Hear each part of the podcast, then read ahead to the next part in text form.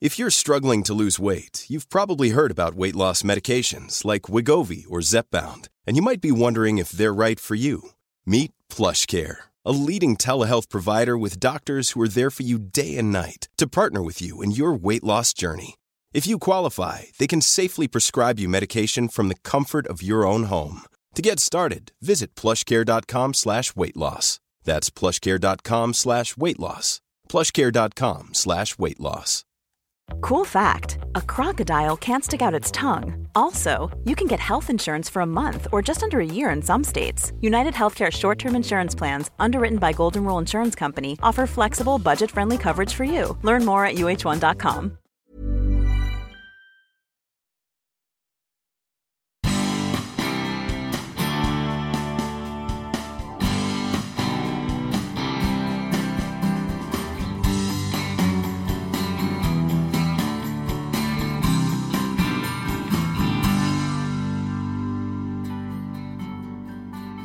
så sa de, jaha, typ vilka vill du intervjua? Ja, men typ prinsessan Stefania av Monaco. Va? Jo, det tror du att du lyckas med. Ja, men vi kan väl prova i alla fall. Harald var ju, ett, var ju på den tiden, nu jobbar han inte på det, ett superproffs. Men han gjorde en sak som var okollegialt och ehm, eh, det var att han under röstningsförfarandet eh, faktiskt eh, gick in i mina manuskort och snodde manus. Sen är det ju väldigt spektakulärt det här med förgiftning för att antingen förgiftar du för att någon ska dö, pang bom. Eller så är det utstuderat där du ger lite i taget.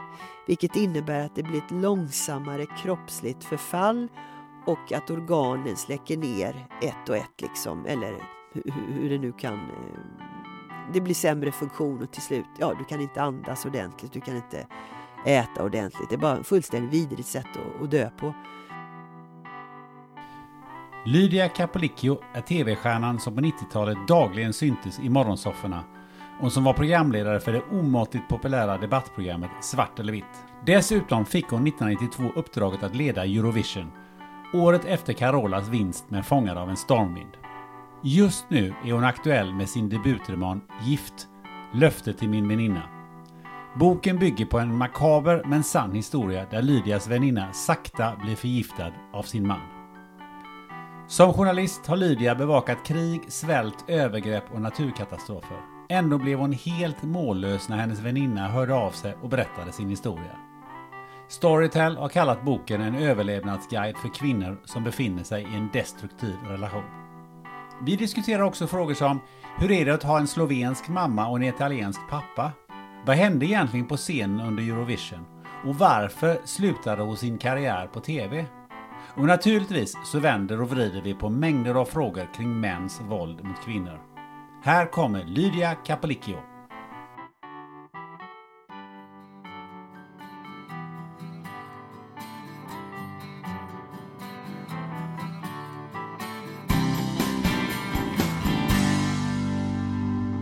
Lydia Capolicchio, välkommen till podden Spännande möten. Ja men tack och vad fint att uttala mitt efternamn. Ja, jag gjorde det efter tre försök som vi kommer att ha klippt bort här.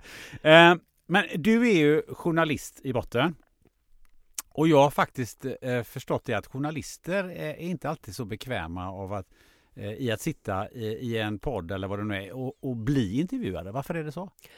Ja, varför är det så? Jag, jag, vet inte om alla journalister tycker så, men man tycker själv att, no, de, att den man pratar med alltid är mer intressant. Allt om mig själv, det kan jag ju redan, så det är ju inte intressant. Det är väl det. Eh, jag tycker alltså, jag hade hellre suttit här och pratat om dig och ditt liv, men nu är det ju inte så. så nu... Nej, nu är det definitivt inte så. och, du för, och med det sagt då så är ju du inte, har du inte varit med vid så många poddintervjuer? Nej. Har du varit med i någon? Eh, då eh, pratade jag om media. så det. det hade ingenting med egentligen eh, mig att göra utan det var mer under pandemin så när mm. folk undrade liksom, vad gör alla nu för tiden? Eh, men det är klart Gunnar, nu när jag har eh, debuterat med den här romanen så kommer det väl att bli några fler. För nu är ju eh, det är mitt fokus, att sprida den historien som jag antar att vi kommer att prata om lite längre fram. Men du är den första. Det här är min jungfrutur. Mm. Det känns väldigt bra och en stor ära att få, att få prata med dig på din jungfrutur. Detsamma! Helt underbart. Eh, för det är ju så här att när det här avsnittet eh, lanseras eh, så har ju du faktiskt precis dagen innan då eh, gett ut, eller kommit ut med en bok. Um, och eh, jag har ju fått läsa ett förhandsex.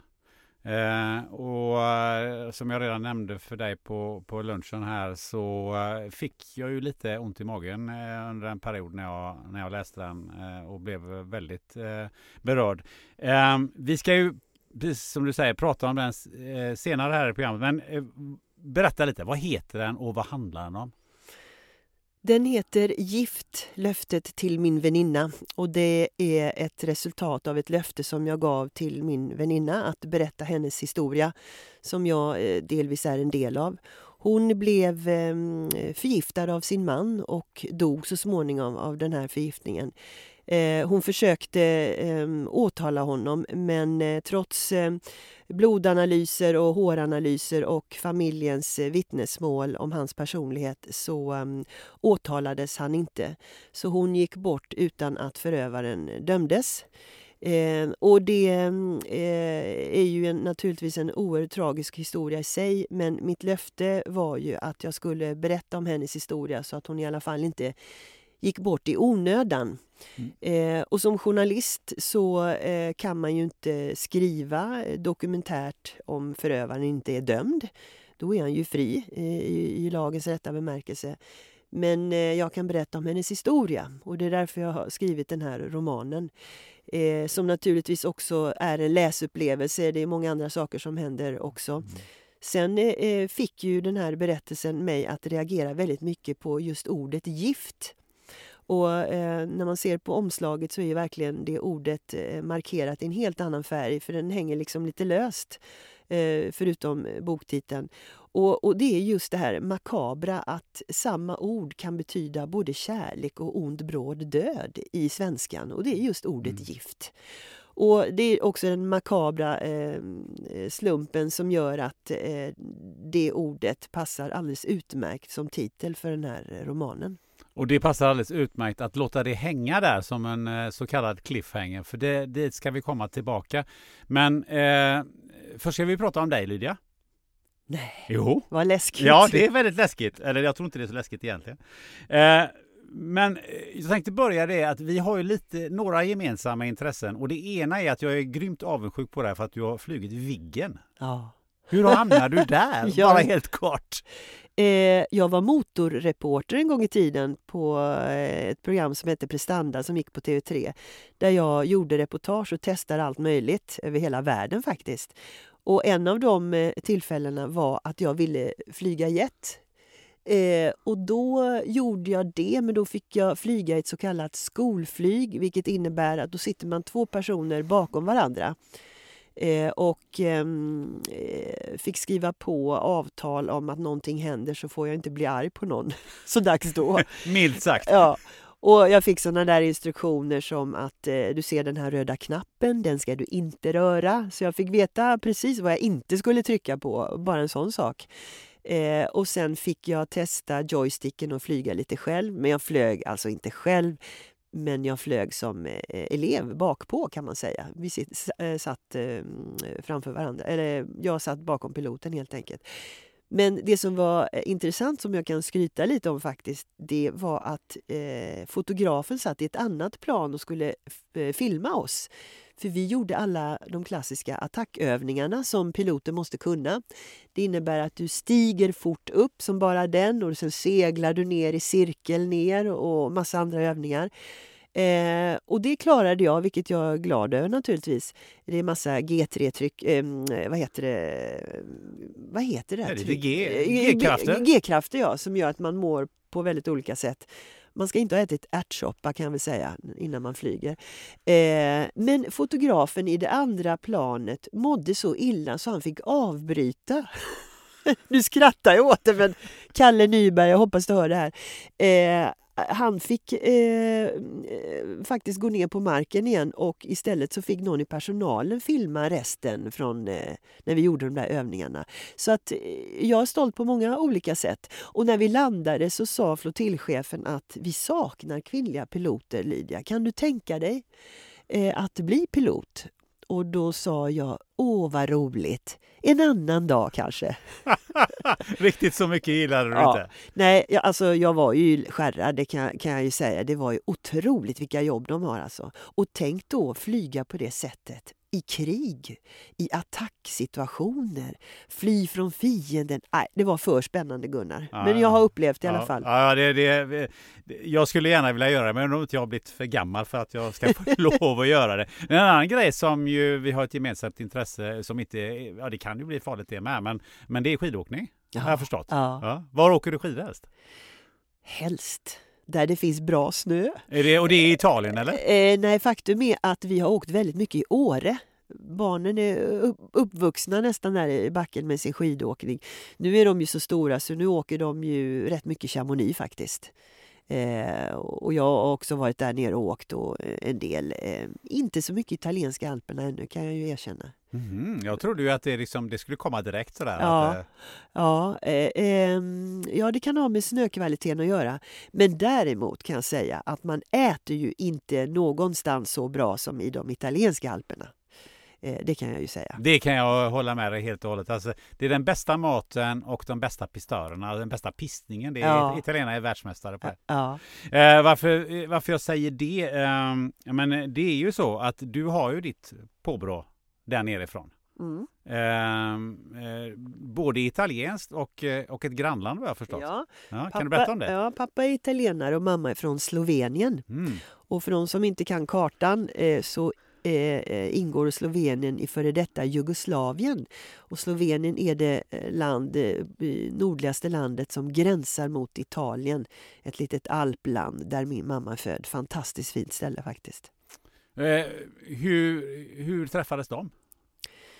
Eh, nu är ju min mamma född eh, 27 och min pappa 30 så de träffades i efterdyningarna av andra världskriget.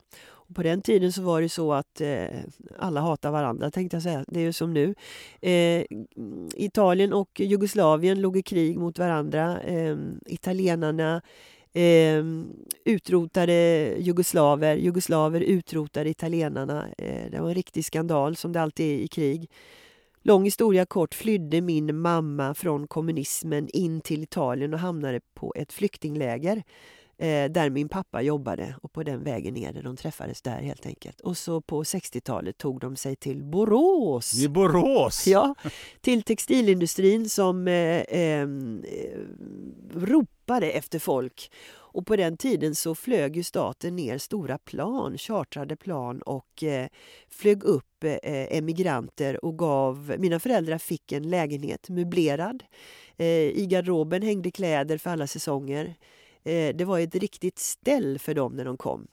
Och, och jag vet att mina föräldrar sa till arbetsgivaren då, eh, men vi kan ju inte svenska, ska vi verkligen börja jobba på måndag? Ja, det kommer, det är lugnt. In i fabrikerna med bara. Det var ett helt annat sätt att, att liksom tänka på det här med arbetskraft.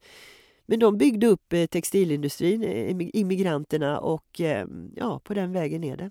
Det är lite annorlunda än det migrantmottagandet som vi har eh, idag. Ja. Kan man verkligen säga. Ja.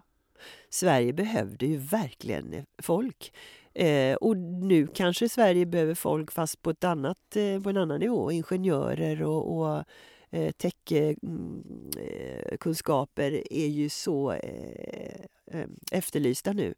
Så att eh, ja, same same but a little bit different. A little bit different. Mm. Hur eh, var Bor- Borås när du växte upp? Det måste också varit ett little bit different. Ja, alltså jag flyttade därifrån när jag, efter jag hade börjat första klass. För då flyttade vi till Skåne.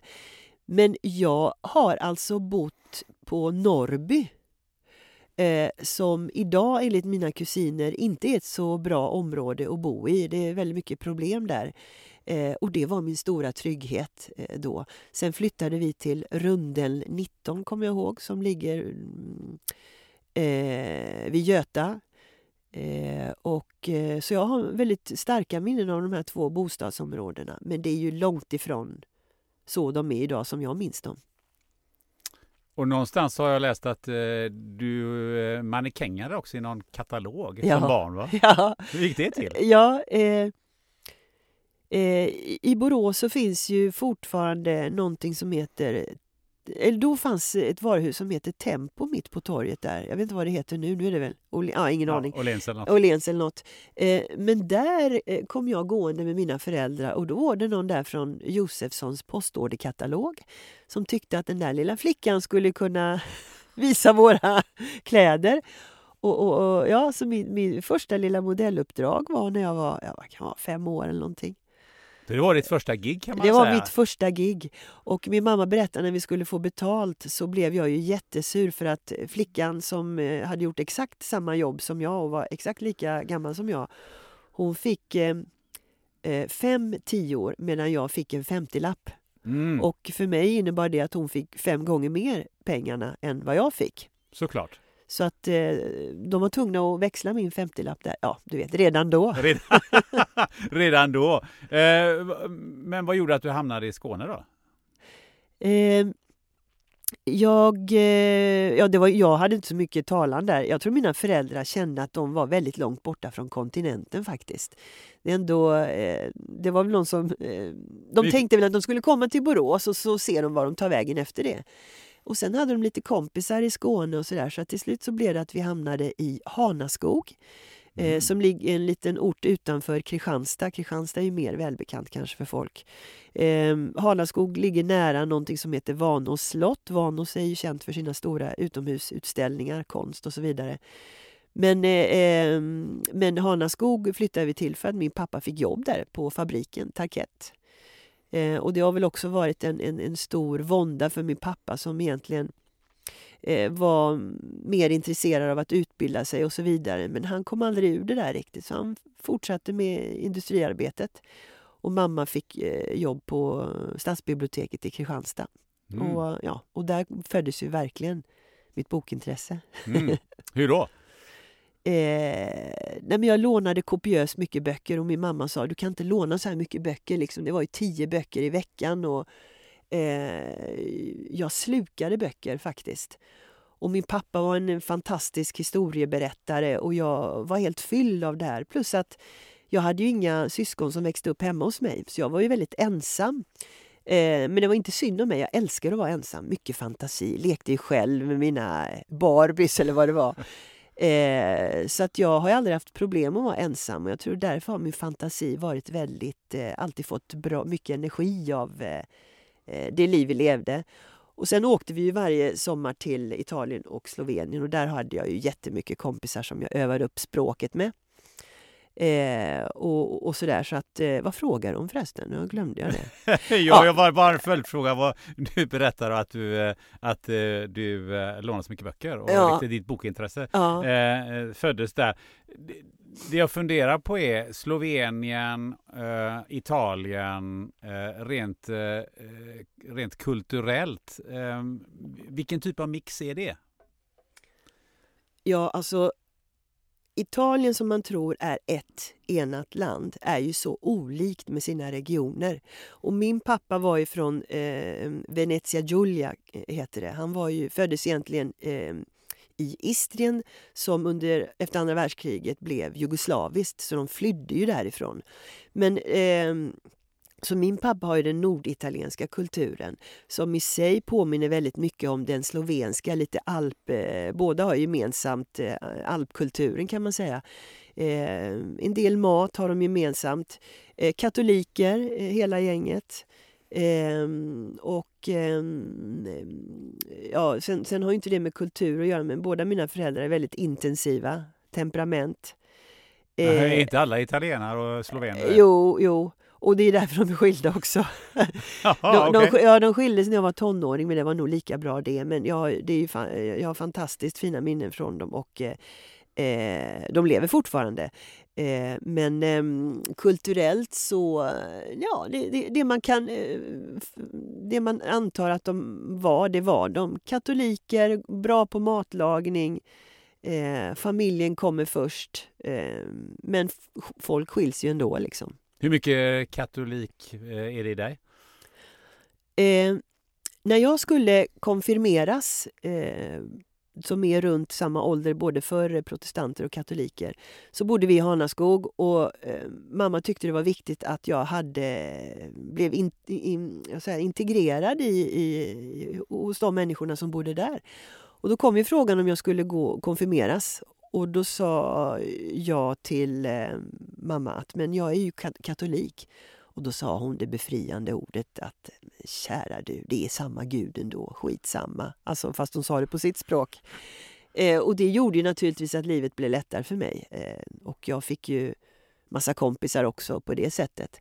Eh, för jag var ju boråsare och pratade boråsisk dialekt när jag flyttade dit. Så det var ju en del motstånd från början och jag hade långt mörkt hår så det var inte så lätt att smälta in i miljön. Skulle jag dessutom då vara katolik så hade det blivit ännu bökigare. Så att eh, eh det var nog bra och jag håller ju med henne. Strunt samma. Eh, om vi hoppar eh, lite grann framåt. Ja, vi har ju redan nämnt att, eh, vi har redan nämnt att eh, du ju är journalist i botten. Och var utbildade du någonstans? Jag eh, kom inte in på Journalisthögskolan när jag var 18 eh, för jag hade inte tillräckligt höga betyg. Eh, däremot så jobbade jag som journalist. Det är också när, eh, på, när vi var unga Gunnar, du och jag, då kunde man ju jobba sig fram. Eh, så jag jobbade ett år som lokalredaktör på lokaltidningar och fotograf och allt möjligt. Och när, när, när jag väl kom in på Journalisthögskolan, ja men då hade jag ju full rulle. Så vad jag gjorde istället det var att jag kompletterade med kurser och sånt där, psykologi, filosofi och språk och sådär, för jag hade inte tid att utbilda mig längre. Eh, så jag är ju eh, en blandning av att jag har varit lärling och haft kompletterade utbildningar. Men jag har inte gått eh, Journalisthögskolan. Mm. Det kan jag inte skryta med. Ja, men du har, det som du säger då, att du, då hade du redan kommit så långt så behöver du inte gå den skolan. Ja, någonstans fanns det väl en skill ja. kan man väl säga. Förmodligen, för, du ham- förmodligen, för du hamnar ju direkt på tv. Ja. Mer eller mindre. Eh, jag harvade runt på många lokalredaktioner, började med närradio faktiskt. Så jag startade en kanal där och eh, där vi hade spelat musik och, och, diskuterade samtiden på den nivån man gjorde då i den åldern. Eh, sen läste jag i tidningen att Malmö TV och eh, Johan Segerstedt heter han Jakob Segerstedt eller Johan? Johan Segerstedt, producent, ville hitta de nya Måns Herngren och Kia Berg för det skulle startas ett nytt rockprogram. Mm. Så han eh, uppmanade folk att söka och göra auditions. Och jag skrev ju en litet brev till honom och tyckte att jag gott kunde få prova och se om jag funkade i sammanhanget. Eh, och testen gick ut på att komma ner till Malmö och då bodde jag i Skåne så det var inte så lång väg. Komma ner till Malmö och eh, testintervjua Nisse Hellberg i Wilmer X. Mm. Och det gjorde jag och då tyckte Johan efter det att du är som klippt och skuren för det här programmet. Och min eh, programledarpartner blev en kille från Stockholm som jobbade på Synnytt då, som heter Kasten Almqvist. Och Kasten eh, blev ju sedermera också chef för TV4-gruppen. Eh, men då var han eh, en eh, reporter på Sydnytt och så blev vi det första programledarparet efter Måns och Kia, för det var inte så många som var i tv då, som höll på att prata musik liksom den intervjun, som, provintervjun som du hade där och eh, allt det som du gjorde sen efter det var ju, det, man hör ett, ett visst skorrande R ja. som man inte hör nu. Ja, det är helt sjukt. Eller det är inte alls helt sjukt. Jag pratade ju västgötska första nio åren. Sen övade jag som en liten gnu framför spegeln och låta som en skåning. Och sen tänkte jag när jag blev, kom i tv så tänkte jag det är ingen som pratar skånska i tv så jag måste fortsätta prata skånska för att lansera skånskan i tv. Och sen flyttade jag ju till Stockholm och fortsatte prata skånska och sen till slut så var jag så dialektalt förvirrad så jag tänkte så här, nej men jag pratar lite den dialekt som jag känner för. Så idag känner jag för att prata så här Gunnar. Uh -huh. Och man vet aldrig hur, hur det kan skifta så att jag, jag, jag kan lova dig när, om jag skulle flyga till Göteborg och hänga med dig i Göteborg ett tag, då börjar göteborgskan. Liksom. Och det är faktiskt ett problem. För eh, jag har ju också en podd och ibland kan jag ju apa efter den som sitter mitt emot mig så jag måste verkligen anstränga mig att inte låta som den personen. Som du glider henne in där ja. och bara snackar lite ja. så, så då, då vet vi vad klockan är slagen. Ja, jag glider henne gärna ja, bra. Det var live eh, du fick ju göra eh, alla möjliga program, bland annat eh, Gå bara Sverige och Nyhetsmorgon och eh, Svart eller vitt fanns det ju ett eh, debattprogram kan man väl kalla det för. Ja. Eh, eh vilket av alla de här programmen minns du mest? Ehm, eh, jag minns Svart eller vitt helst. Varför då? För att det var direkt, det var där och då det var så eh, nyhetsanpassat. Så fort det hände någonting så hade vi det i studion. Eh, God morgon Sverige var ju i Göteborg och det var eh, tidiga månader men jag bodde i Göteborg så tre dagar i veckan så det var ett himla slit. Och sen eh, eh, tyckte jag väl inte att jag fick blomma ut riktigt där utan det var väldigt uppstyrt av redaktionen vad jag skulle göra och inte göra sådär, med all rätt säkert. Men jag ville göra mer och fick tjata till med det och till slut så övertalade redaktionen att jag ville ut i världen och intervjua personer.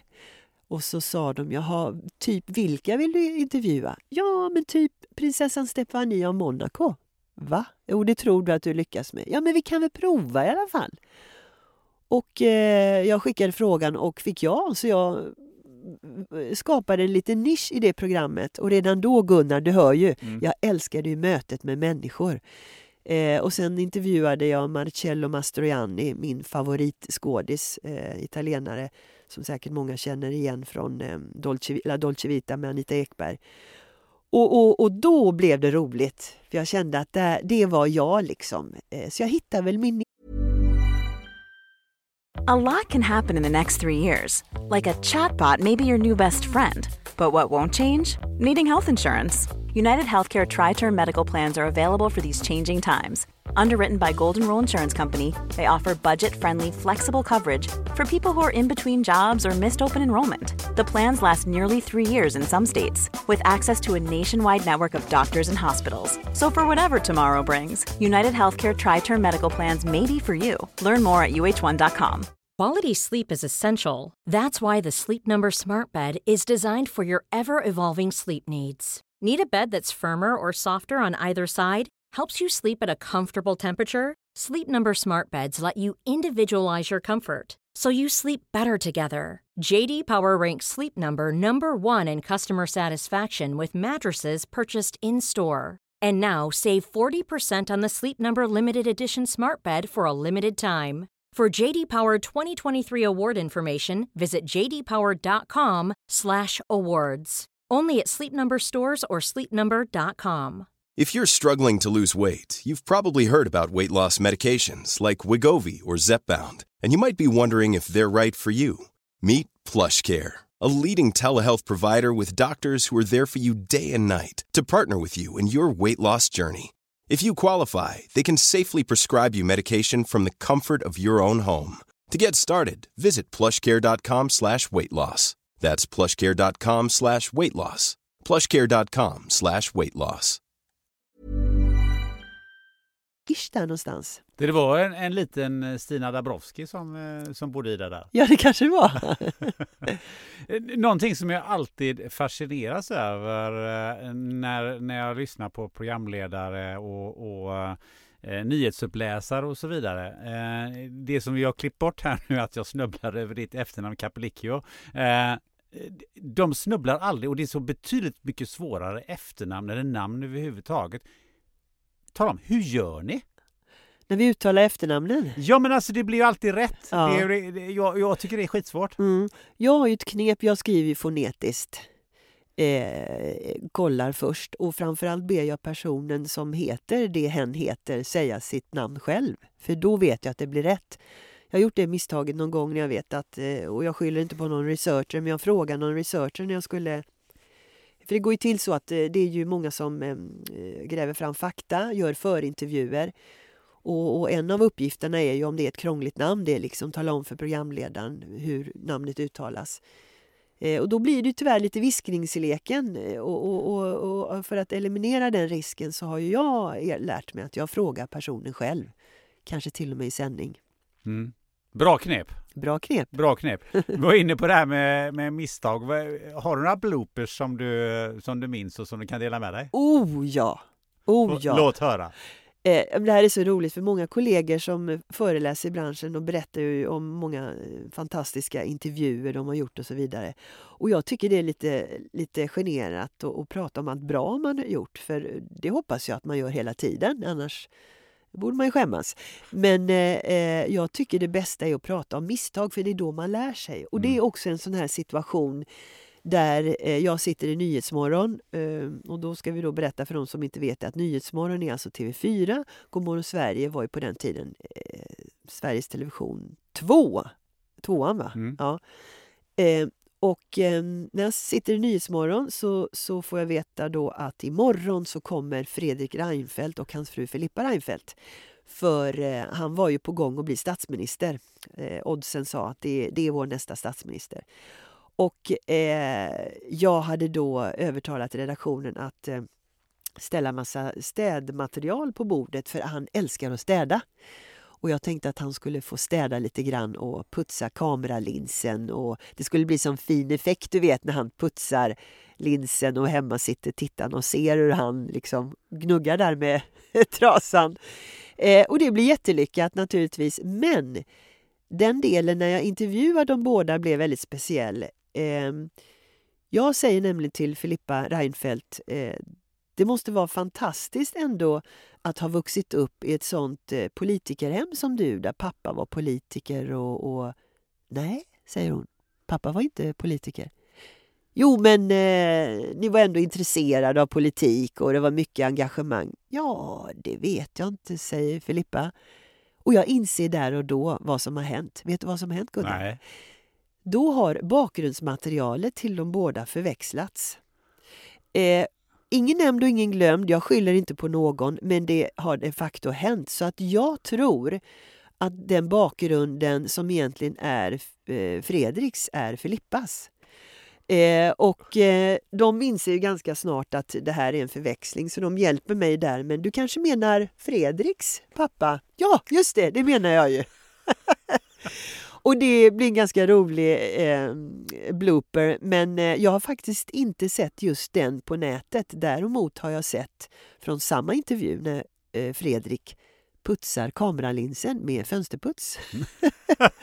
men men eh, ja, det var, det var en blooper. Det var en så här awkward moment. Sen är det lite andra grejer som har hänt eh, på svart eller vitt där eftersom det var direktsändning och vad som helst kunde hända så hade jag ju producenten i örat. Och eh, vissa känsliga intervjuer där eh, när jag gick för långt, för ibland så kunde man gå för långt i, av massa olika anledningar. Så eh, eh, skulle han kunna säga, ja, stopp där Lydia, det räcker, vi går vidare.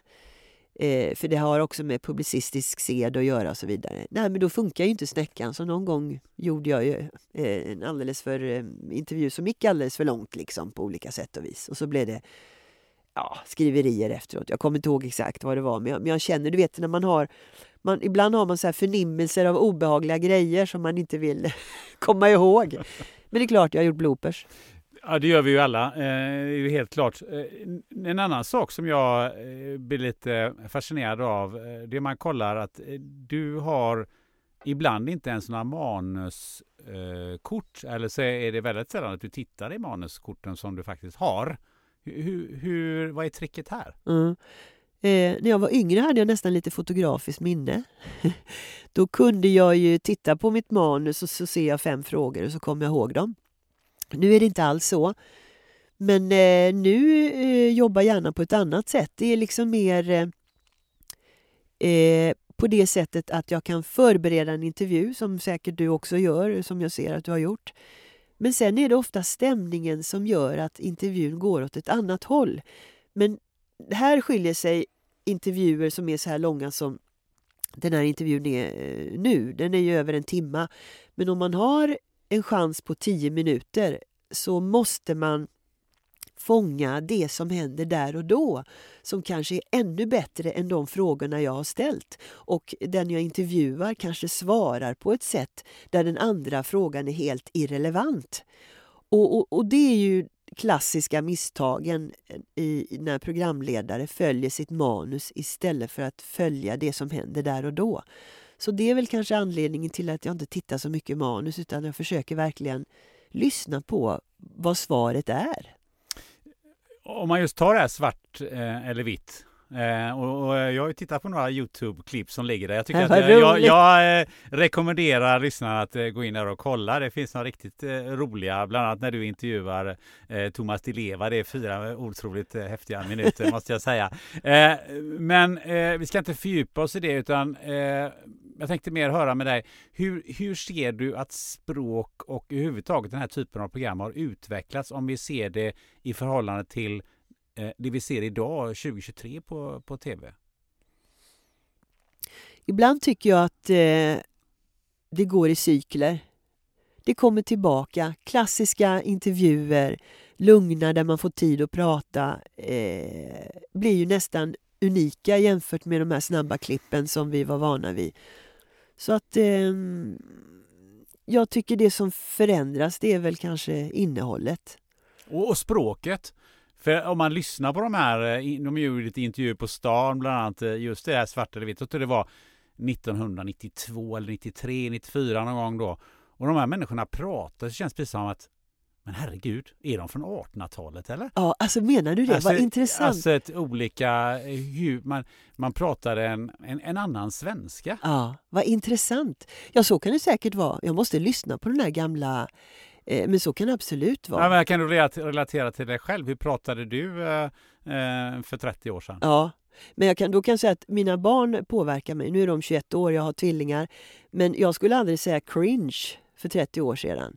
Ja, det visste man inte vad det var för Nej, och cringe använder jag nu ganska naturligt. Men det var för att de lärde mig det när de sa Men mamma, nu är du lite cringe när du gör det där, alltså något, i något sammanhang. Och då frågade jag vad är cringe? Ja, men, ah, vet du inte vad cringe är? Då fick jag ju kolla vad det var och då insåg jag att det är bra begrepp eh, på, eh, som sammanfattar eh, det är lite töntigt, lite obehagligt och lite konstigt. Eh, svenskan är ju ganska fattig när det gäller ord.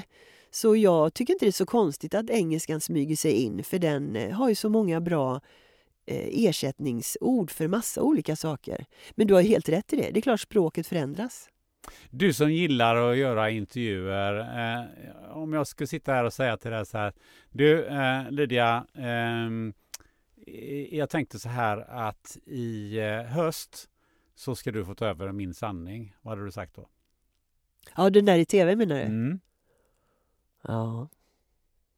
Ja, men det, ja, varför inte? Varför inte? Att vara i tv är ju väldigt speciellt Gunnar. På vad sätt då? Ja, men du blir, jag, jag har ju provat på det där. Du blir ju väldigt officiell. Eh, du kan inte snyta dig förrän folk vet om det. Liksom. Det, det är ju eh, eh någonting som jag en gång eh, Någonting som gjorde att jag backade lite från offentligheten och blev reporter av just den anledningen att det tog så mycket kraft för det jag verkligen var intresserad av, nämligen journalistiken. Eh, istället blev eh, eh journalistiken mer ett kändisskap. Och, eh, så när du ställer frågan, då väger jag båda sakerna lite grann i vågskålar. Å andra sidan Gunnar, så ju längre tiden går desto fler plattformar finns det. Så att idag är det ingen stor grej om du är programledare i tv. För det är så många, det finns influencers och det finns sociala medier. Så att eh, ja, jag hade nog eh, tänkt till faktiskt och kanske, Mm, bra, vi skickar det budskapet vidare. Ja. men, men, du sa, bara, jag tänkte bara stanna vid det här kändisskapet som du sa. Ble, ble, vad, ble, vad resulterar det i? Förutom att du inte fick snyta det var som helst. Alltså, blir det mycket hemma hos-reportage eller blir det liksom, blir det, man bevakade en massa eh, sidor som du egentligen inte ville visa? Eller vad, vad, vad, vad innebar det egentligen? Ja, hemma hos-reportage, de fick ju aldrig komma hem till mig. Men, men, men eh Eh, Eh, det var att bli fokus på annat än det jag gjorde, vilket jag tyckte var lite bökigt. Jag vet, jag, jag gick på några kändispremiärer eller sådär biopremiärer Och eh, då var jag oftast en, en kollega till mig där som heter Thomas Engström som tog bilder på alla kändisar. Och då stod de i kö för att fotograferas och jag tänkte ah, att jag orkar inte stå här i kö bara för någon ska ta bild. Så jag gick vid sidan om och gick in och kollade på min biograf, på min bio. Och då, eh, då sa Thomas, eh, men du vet sådär kan du inte göra. Micke Bindefeld blir skitsur. Han bjuder hit dig för att du ska ställa upp på bild. Ja, det har du faktiskt rätt i. Eh, sa jag. Han kanske blir sur. Eh, jag menar, går du hit, då måste du gå hit för att du ska ställa upp på de här sakerna. Och då tänkte jag, ja det har du rätt i. Så jag slutade gå på dem. För jag tänkte, varför? Jag träffar ju bara folk som jag ändå träffar i alla studios här då. Och eh, kände att det var en liten konstig situation faktiskt. Och sen så sa Thomas också, snälla Lydia kan du inte göra någon skandal? Du är så himla tråkig. Du har samma kar och du gör inget konstigt och sådär. Då tänkte jag, nej jag gör ju inte det. Du gjorde ingen skandal? nej men jag gjorde ingen skandal. Och, och sen vet jag när jag träffade, när jag, när jag bytte, bytte kar höll jag på att säga, när jag bytte relation så var det också sådär, åh, nu, nu, hennes nya och, och sådär och tyckte det var väldigt genant och konstigt. Så jag har aldrig förlikat mig med det. Men jag förstår, jag, jag respekterar den typen av journalistik också. Jag började också lite grann sådär och jobba på Veckorevyn och sådär. Men, men eh, nu när jag är äldre är jag kaxigare och lugnare och tänker, vem bryr sig? Så att nu skulle jag inte ha problem med det. Men då var jag lite sådär, jag hade lite svårt för det där att, att jag skulle vara eh, till, eh, till eh, vad ska man säga, eh, var tillgänglig för alla bara för att jag jobbade som programledare. Det tyckte jag var konstigt. Men jag förstod det så att jag hade lite svårt att balansera det tycker jag. Det mest ultimata jobbet som eh, programledare som man, som man kan få, det är ju eh, Eurovision. Ja, Gunnar, kan du tänka dig? Va? Ja. Va, vad minns du av det? Ja, jag minns allt. Eh, det var ju också en, en, ett sätt för mig att visa för mina släktingar att jag faktiskt jobbar med tv. För nu skulle den här sändningen gå ut i hela Europa. Det var ju fantastiskt. Och eh, eh jag jobbade ju eh, med Malmö TV då. För då jobbade jag med det här programmet som jag berättade för dig tidigare, Rock från Kulturbolaget och sådär. Så att jag var ju där i faggorna. Och eh, jag visste att Eurovision skulle gå av stapeln Eh, i Malmö. Så jag började förhöra mig. Vilken producent är det som gör det då och bestämmer alltihopa? Ja, det är KG Gimtell. Okej. Okay. Då skrev jag ett brev till KG och då tänkte jag så här. Tänk om jag åtminstone kan få vara reporter och göra de här runt omkring reportagen. Eh, och då så eh, var jag så glad att jag fick iväg det där brevet och till slut så ringde KG och jag satt ju i huset och jobbade så han sa eh, Ska vi inte ses på en lunch så ska vi prata lite om Eurovision? Ja, absolut.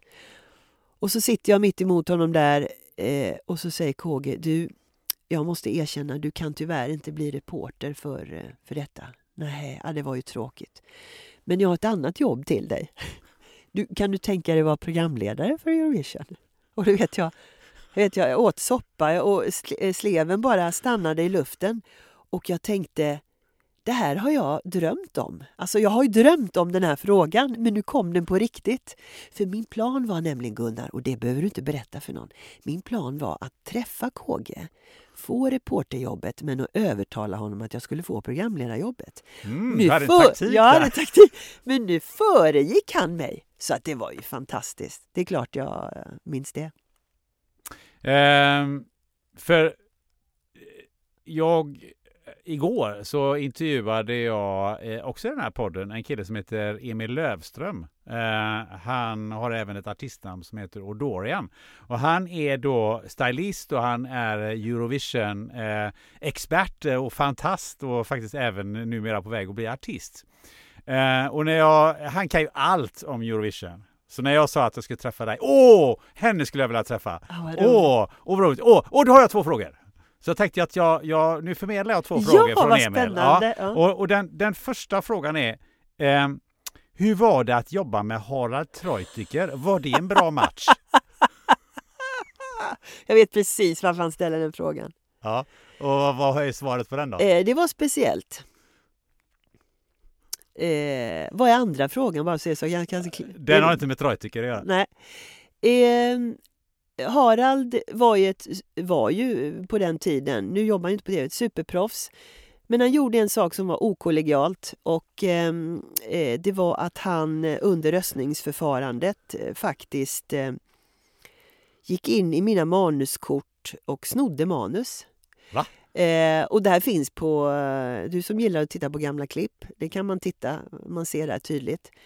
Eh, och, och det var inte så schysst. Va, vad menar du med det? Nej, du, jag, jag ska berätta. Okej, ja. Det är nämligen så här att vi kom överens om att eftersom eh, det var så många länder på en gång som skulle rösta så skulle ju naturligtvis ett av länderna vinna.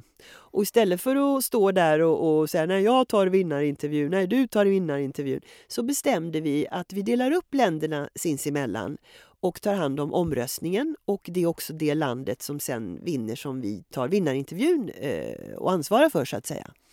Så jag hade ju, jag tror jag hade Frankrike, Irland och sådär. Så när Irland röstade då tog jag ju ansvar för deras röster.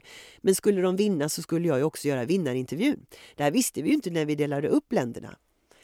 Eh, men mot slutet av röstningen när jag står där och är superkoncentrerad för att eh, rösta, för att ta emot eh, Hollands röster tror jag det var då. Royaume-Uni, 12 poäng eller någonting sånt där. Eh, så inser ju både jag och Harald att Irland kommer att vinna. Det vill säga det landet som är mitt och som jag ska ta ansvar för eh, är också, betyder också att jag måste ta vinnarintervjun. Så jag planerar ju samtidigt för den för jag inser att eh, så fort jag har röstat klart där så kommer alla förstå Irland har vunnit. Men då Eh, och, och Irlandkortet har jag i mitt manusblock. Där står namn, kompositör, förberedda frågor och allting. Eh, så Harald vet ju detta, så han gräver i mina manuskort. Det ser man väldigt tydligt. Han sträcker sig över och man ser min blick när jag tänker, vad gör karln?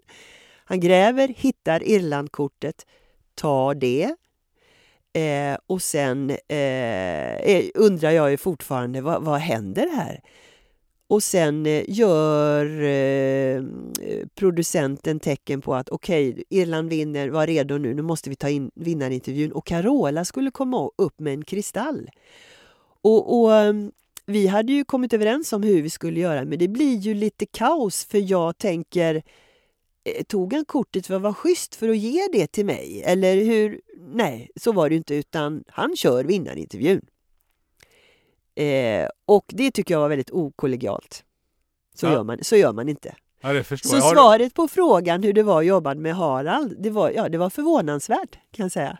Så kan man Så kan man uttrycka sig med Ja. ett leende. Ja, man gör inte så. Har ni snackat om det här efteråt? Eh, nej, han har aldrig tagit upp det och det behöver han inte för eh, där och då bekände han sina färger och vi har inte jobbat ihop igen. Mm, av förklarliga skäl. Ja. Eh, Nästa fråga då. Ja. Eh, Den är eh, av ett annat slag. Den är re- rent och rakt. Bestod din klänning av ljusmanschetter? Ja, min klänning. Eh, jag tror de hade plockat ihop lite allt möjligt där. Jag måste nästan backa några steg. Jag var god vän med Lars Wallin som då, på den tiden, idag är han ju etablerad eh, kreatör verkligen, eh, och kostymtek- eh, kostymkreatör. Eh, han var inte etablerad då men vi fick kontakt och han skissade på vilka klänningar jag skulle ha. Vi eh, skapade några skisser där som jag tog med mig till Malmö kostymavdelning. Och de sa nej vi kan inte släppa in några andra kreatörer här utan vi har en kostymavdelning här. Men hans idéer anammade de så att jag, jag, jag ville ju ha den här 50-talslooken, lite italiensk, du vet, eh, Dolce Vita-känsla. Eh, och eh, jag tror kostymavdelningen eh, skrapar ihop rätt mycket olika material faktiskt. Jag vet inte om det var ljusmanschetter men det kanske var. Nej, det var nog en, en upplevelse som så jag tror han hade och en fundering som han hade för att han, han, han kände att det, det där såg ut som en massa ljusmanschetter ja, som du hade ja. på dig. Ja, men det var rätt roligt. Eh, men sen så släppte du allt det här som du redan har varit inne på och, och lämnade tv mer eller mindre. Nej, nu ska du höra här förstår du. Ja, nu föregriper Ja, ja. Eh, efter Eurovision, alltså det blev ju en sån hås. Jag, jag, jag kan väl säga att jag gjorde Eurovision när det inte var så inne. Nu är det superinne. Då var det lite småtöntigt. Men det var ändå ett stort uppdrag. Eh, och i efterhand har jag fått höra av alla massa kollegor och produktionsbolag och sådär. De tänkte att oj, nu är hon ju full, fullklottrad med jobb. Eh, så ingen ringde upp mig efter det för att... Eh, För det var ingen idé? det var ingen idé. Så telefonen var helt tyst. Nej. Jo, jättemärklig känsla. Eh, så att jag släppte inte det, men, jag, men det, det blev väldigt tyst omkring mig. Eh, och sen så, eh, jag kommer inte ihåg riktigt hur jag gick vidare där, men jag tror jag började eh, eh, titta lite på tidningsbranschen igen. Och så. Jag kommer faktiskt inte ihåg Gunnar nu när du frågar mig. Men det jag kommer ihåg var att det var väldigt tyst efteråt. Och det var inte för att jag hade gjort ett dåligt jobb, för alla trodde att jag var fullproppad med jobb. Märklig känsla. Du gjorde ju förvisso svart eller vitt eh, efter Ja, det. Ja. eh, det är ju helt klart. Men jag tänker, om jag tänker mig lite framåt i tiden. För någon, någon gång så lämnade du ju hela den här eh, cirkusen. Ja. Mer eller mindre. Var det de orsakerna som du har nämnt tidigare? Det fanns något annat som gjorde att eh, nu vill jag göra något annat? Ja, det var någonting med kärleken att göra Mhm. kanske. Kan man inte vara kär och jobba på tv? Eller vadå? Nej men så här var det faktiskt. I den vevan med svart eller vitt eh, så träffade jag en, en fotograf. En fotograf som eh, filmade väldigt mycket konflikter och, och reste i konfliktzoner och, och bevakade massa elände. Och eh, vi lärde ju känna varandra på, på fyran samtidigt som jag kände ett stort behov av att jag står bara i en studio, jag är inte ute i verkligheten. Eh, och, och i samband med det så eh, bestämde vi oss för, för att filma dokumentärer. Vi gjorde flera dokumentärer för Kalla fakta. Men det eh, gjorde också att jag sa upp mig från Svart eller vitt och sa just till Kjell Dabrowski som var producenten att eh, eh nu tror jag att jag har gjort mitt på Svart eller vitt. Eh, nu vill jag gå vidare eh, och eh, det gjorde jag också. Och det har jag inte ångrat för jag lärde mig fantastiskt mycket av att resa med, med den mannen som sedermera också blev min fästman. Eh, och vi eh, gjorde mycket och jag har väl aldrig varit så mitt i, i, i verkligheten som under de åren. Vi filmade, eh, vi var i Sudan och filmade svält och terror och jordbävningar och eh, allt möjligt som gjorde att jag, eh, som jag aldrig skulle kunna göra nu när jag, när jag har barn och ansvar för andra liv. Liksom. Men det var eh, år där jag verkligen förstår hur eh, krigsjournalister och journalister och fotografer som reser i konfliktzoner verkligen har det. Det är, det är ett helvete, ett stort mord men också lite galenskap alltså. Längtar du tillbaka dit? Nej. Varför? Eh, man behöver inte utsätta sig så mycket för att bevaka elände. Det finns runt hörnet också.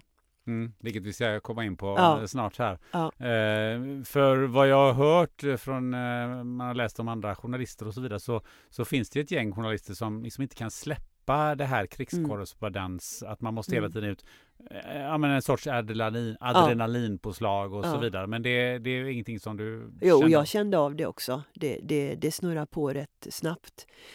När vi var i, i eh, södra Sudan, eh, fruktansvärda eh, scener liksom, så pågick ju Balkankriget. Eh, också fruktansvärda scener. Men där, dit kunde jag inte åka. Jag sa till mina chefer på fyran att det ligger för nära min egen, min eget ursprung och min egen familj. Jag måste kunna se på det med lite filter. Eh, så att, men, men man har ju ett filter, man, men, men man blir ju naturligtvis påverkad när det är... Ju, ju närmre det är ens eget, desto svårare är det att bevaka. Eh, men, eh, och det är det som är det, det konstiga journalistiken. Men det har väl också, det är väl helt naturligt att eh, 5 000 människor kan dö i en jordbävning i Indien.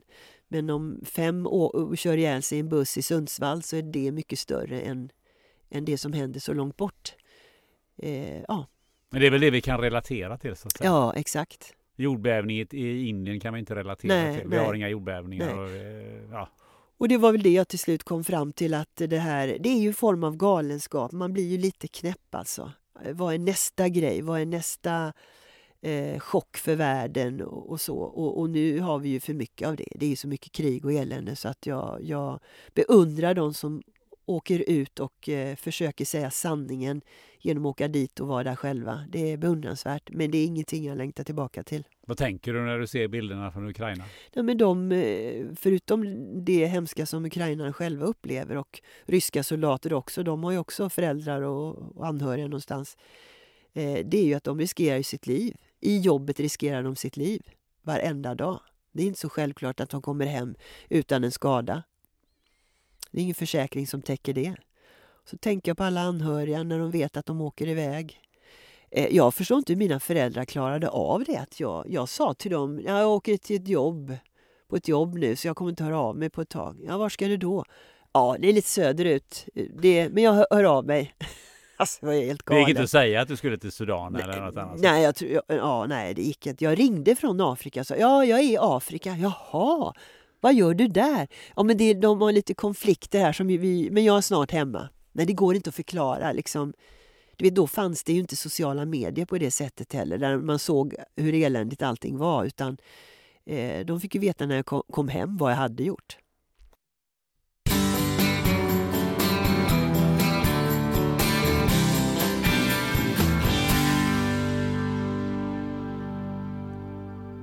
Peter Martin, du är läkare och grundare av FunMed-klinikerna som jobbar med funktionsmedicin. Jag har en fråga till dig. Vi bombarderas ju dagligen med mängder av kostråd. Hur ska jag veta vad som funkar för just mig? Ja, det kan du inte riktigt veta, för inget av kostråden är ju egentligen anpassade för dig som individ. Hos FunMed får du hjälp av specialutbildade läkare och hälsocoacher som baserat på en mängd olika provsvar och en kartläggning av just dig hjälper dig att ta reda på vilken kost som passar dig. Saknar du någon som tar ett helhetsgrepp om din hälsa? Börja med att boka ett kostnadsfritt introduktionssamtal på funmed.se. När du tecknar FunMeds medlemskap så ser man hela dig. Tillsammans med din funktionsmedicinska läkare så skapar du en plan för kost, näring och livsstil baserad på avancerade labbtester och ett holistiskt synsätt. Sen får du stöd av ett dedikerat vårdteam med läkare, hälsocoach och sjuksköterska. Gå in och läs mer på funmed.se. Tack FunMed!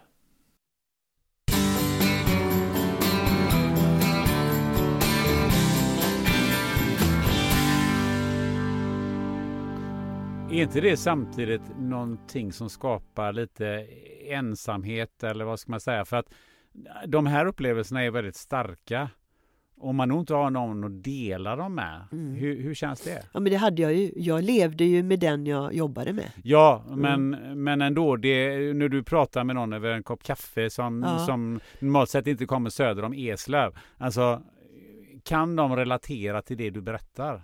Nej, det var väl det som var kampen att eh, Eh, hela poängen var ju att visa det vi hade upplevt och att göra ett reportage om det. Och vi satt ju med reportrar från CNN och BBC och de hade stora så satelliter och vi fick eh, tjata oss till eh, en länk så att vi kunde skicka våra bilder och sådär. Eh, det är klart att när, när nyhetschefen säger nej vi, vi den här gången platsar inte ert reportage för nu har detta och detta hänt. Då blir man ju frustrerad. Och då var det mer så här, eh, man tänkte mer på sitt reportage än på det, än faktiskt det det innehöll. I efterhand kan jag ju förstå varför nyhetschef gör olika bedömningar. De relaterar ju, de tänker på tittarna. Men när jag själv är mitt uppe i, eh, på en stor eh, leråker som tidigare var en by där det är fullt med människor som är levande begravda och det luktar död överallt och det är händer som sticker upp och rör sig och sådär så tänker man det här är ju det viktigaste som händer i världen just nu. Men det är klart att för den som sitter och tittar på nyheterna så är ju Sundsvall närmre. Absolut. Ja, det är ju en sak. Eh, men för dig som, som var där och då så var ju det det viktigaste som, som hände och som ju också skapar, eh, misstänker jag, eh, starka känslor hos, hos dig. Och nu kunde du dela det med, med din fästman då. Eh, men ofta så kan man inte dela det för det är ingen annan som förstår. Nej. Hur, hur är det? Mm, ja, det är väl det som är vårt jobb som journalister och reportrar. Att få dem att förstå vad det innebär att man inte kan ge sitt barn mat eller vad det innebär att den tropiska sjukdomen du måste akta dig för handlar om en mask som kryper in i din vad och halva masken är utanför. Och du får absolut inte dra ut den masken för då förgiftar du ditt barn och så dör barnet. Alltså, hur katten ska man få dem att förstå det? Eh, det är, så, det är så långt ifrån vår egen miljö. Så det, det är den ständiga eh, utmaningen för journalistiken. Hur mycket ska man visa innan det liksom bara innan ridån bara går ner och man inte tar in mer? För det går inte att visa för, hemskhet, för hemska saker och våra gränser flyttas ju hela tiden. Vi är så vana vid att se hemskheter på film så att till slut, våra unga ser ju inte någon skillnad om de ser någon avrättas av en, en, en eh, Isis-anhängare eller om de spelar på sin, eh, eh sina datorspel. Liksom. Nu ska jag rätta mig där faktiskt, för jag har faktiskt gjort intervjuer med unga som säger vi har mycket väl koll på vad som är på riktigt och vad som inte är på riktigt. Men du förstår vad jag menar, mm. de här bilderna är man ju van vid att se på olika sätt det är klart att det, de gränserna förflyttas och jag vet inte var stoppet går. Kan det här skapa en viss ensamhet också mitt uppe i, i alltihopa? Jag tänker ensamhet i, i, i, form av just att man inte kanske... Man, man delar det visserligen, man visar det för andra men man kanske inte kan diskutera det så mycket med andra. Ja, alltså tillbaks till min fästman då som hade några år på nacken i de här miljöerna och hade när jag lärde känna honom hade han tillbringat en tid i, i Kabul i Afghanistan och eh, eh, för honom var det en ensamhet för han eh, reagerade så på ljud. Jag kunde inte förstå varför han reagerade så kraftigt. Även om jag förstod att det handlar om skottlossning och sådär så, eh, så intellektuellt förstår man, ja men det var då, inte nu. Men det händer ju någon, någonting i hjärnan som gör att eh, det blir en sån total rädsla för vissa ljud. Så det är klart att om inte den du lever med förstår det så blir det ju en ensamhet i sig att ingen förstår hur jag mår. Och det är många som går i terapi för det. Men det är klart, de som går i terapi gör ju det för att ingen förstår dem och de måste få utlopp för det. Så att absolut, men så långt gick det inte för mig. Eh, jag var inte kvar i det så länge eh, utan jag gick vidare med andra uppdrag helt enkelt. Eh, idag så, så jobbar du både som, som poddare och väldigt mycket som moderator. Eh, och, och, med tanke på ordet ensamhet och sen då också naturligtvis som författare som vi alldeles strax kan komma in på. Eh, det jag upplevt, nu är jag inte författare och jag jobbar lite som moderator men jobbar som poddare. Det är också en viss ensamhet man kan uppleva för man jobbar kanske inte så mycket i team och man träffar visserligen fantastiskt många intressanta människor så, så som idag. Eh, men det finns ju någon, någon sorts ensamhet där också. Jag kan föreställa mig om man skriver en bok eh, så, måste, så är man också rätt ensam även om du har en redaktör och så vidare. Eh, hur, hur hanterar du den ensamheten? Eller du kanske till och med trivs i den? Ja, eh, jättebra fråga. Absolut eh, ensamhet, men jag ser det som en tillgång.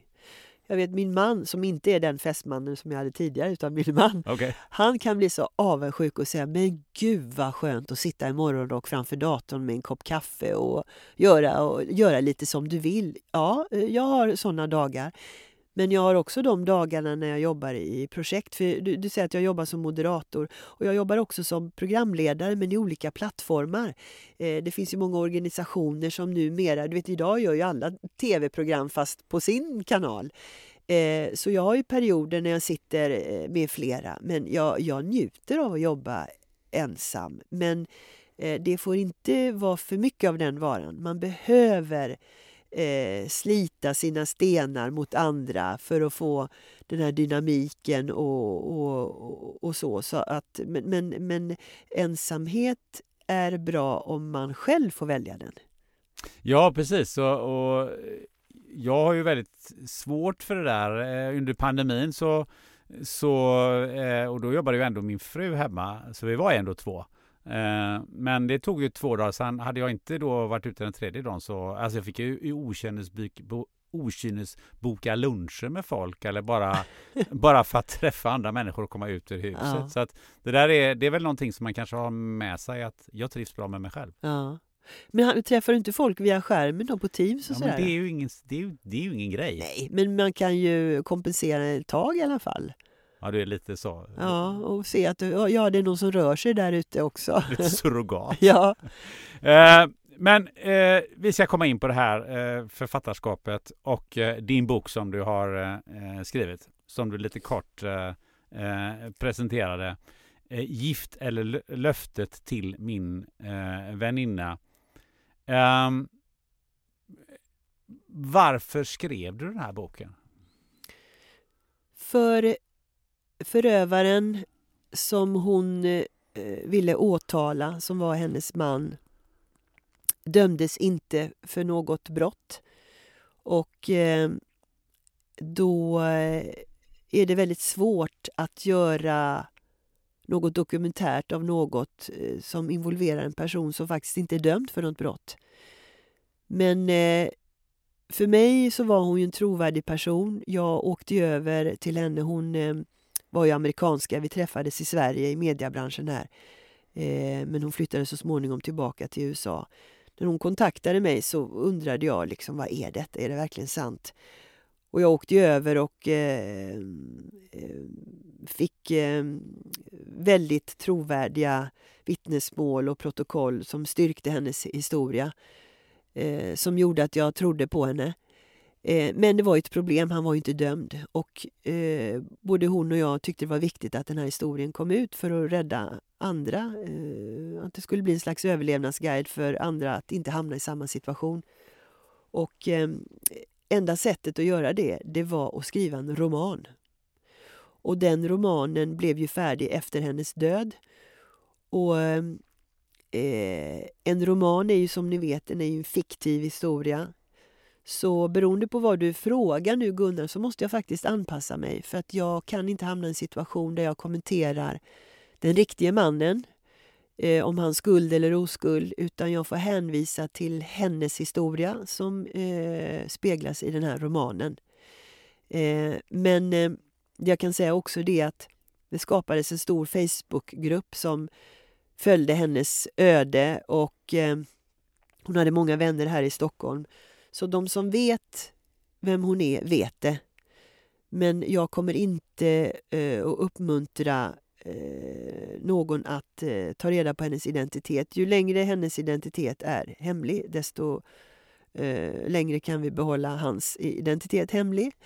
Eh, skulle det på något sätt komma ut, ja då är det som det är. Då får andra spekulera över det. Jag hänvisar till romanen i berättelsen. Eh, Eh, vi ska ju inte sitta här och, och eh, spoila eh, storyn, vilket ju också är, är minst lika viktigt. Men kan du ge oss några mer hållpunkter i, i den här eh, storyn? Eh, vad den handlar om och, Ja. och eh, lite grann hur det går? Mm.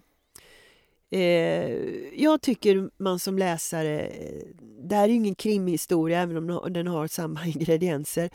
Eh, jag tycker inte det gör någonting att man vet att hon faktiskt dör. Eh, eh, det är inte det som är grejen med att läsa boken. Utan att läsa den här romanen handlar om att sätta sig in i hennes liv, hur hon hamnade där, vad det är för personlighet hon träffar. Eh, det är en bok om, om vänskap eh, baserad på vad, hur långt man kan gå för att hjälpa en vän.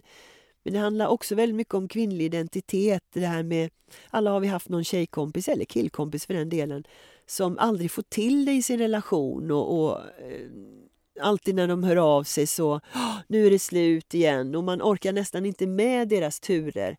Eh, och, eh, och så här var det i det här fallet också, så här är det i romanen också. Karaktären Amy och Sofia är ju de här två väninnorna som eh, blir väldigt tajta men eh, går åt olika håll när Amy åker tillbaka till USA och Sofia faktiskt bildar familj.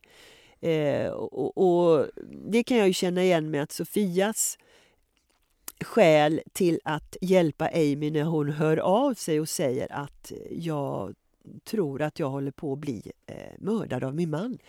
Då får ju Sofia ett dåligt samvete. För hon har ju aldrig kunnat vara riktigt där till 100 procent tidigare.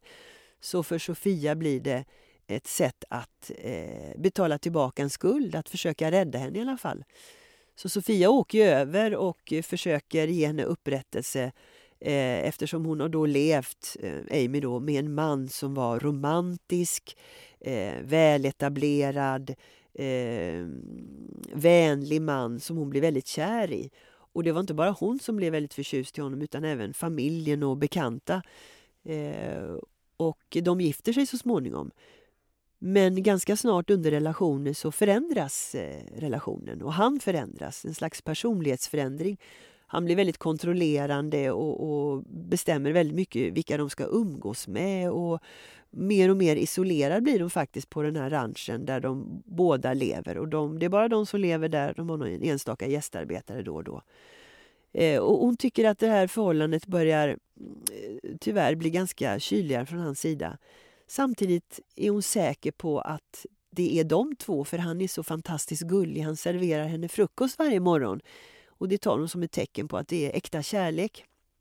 Samtidigt blir hennes hälsa sämre. Hon får svårare att svälja, hon får ont i käkarna, hon, hon blir lite illamående och sådär. Eh, och det är ju tecken på att någonting inte står rätt till. Eh, och eh, så här mycket kan jag berätta utan att det blir en, att man förstör eh, läsupplevelsen. Eh, men det uppdagas ganska snart att hon är alltså förgiftad. Hon har spår av barium och arsenik i kroppen. Man gör håranalys och man ser att det stämmer överens med den tiden som hon var med sin man, för hon flyr från honom så småningom när han blev för kontrollerande.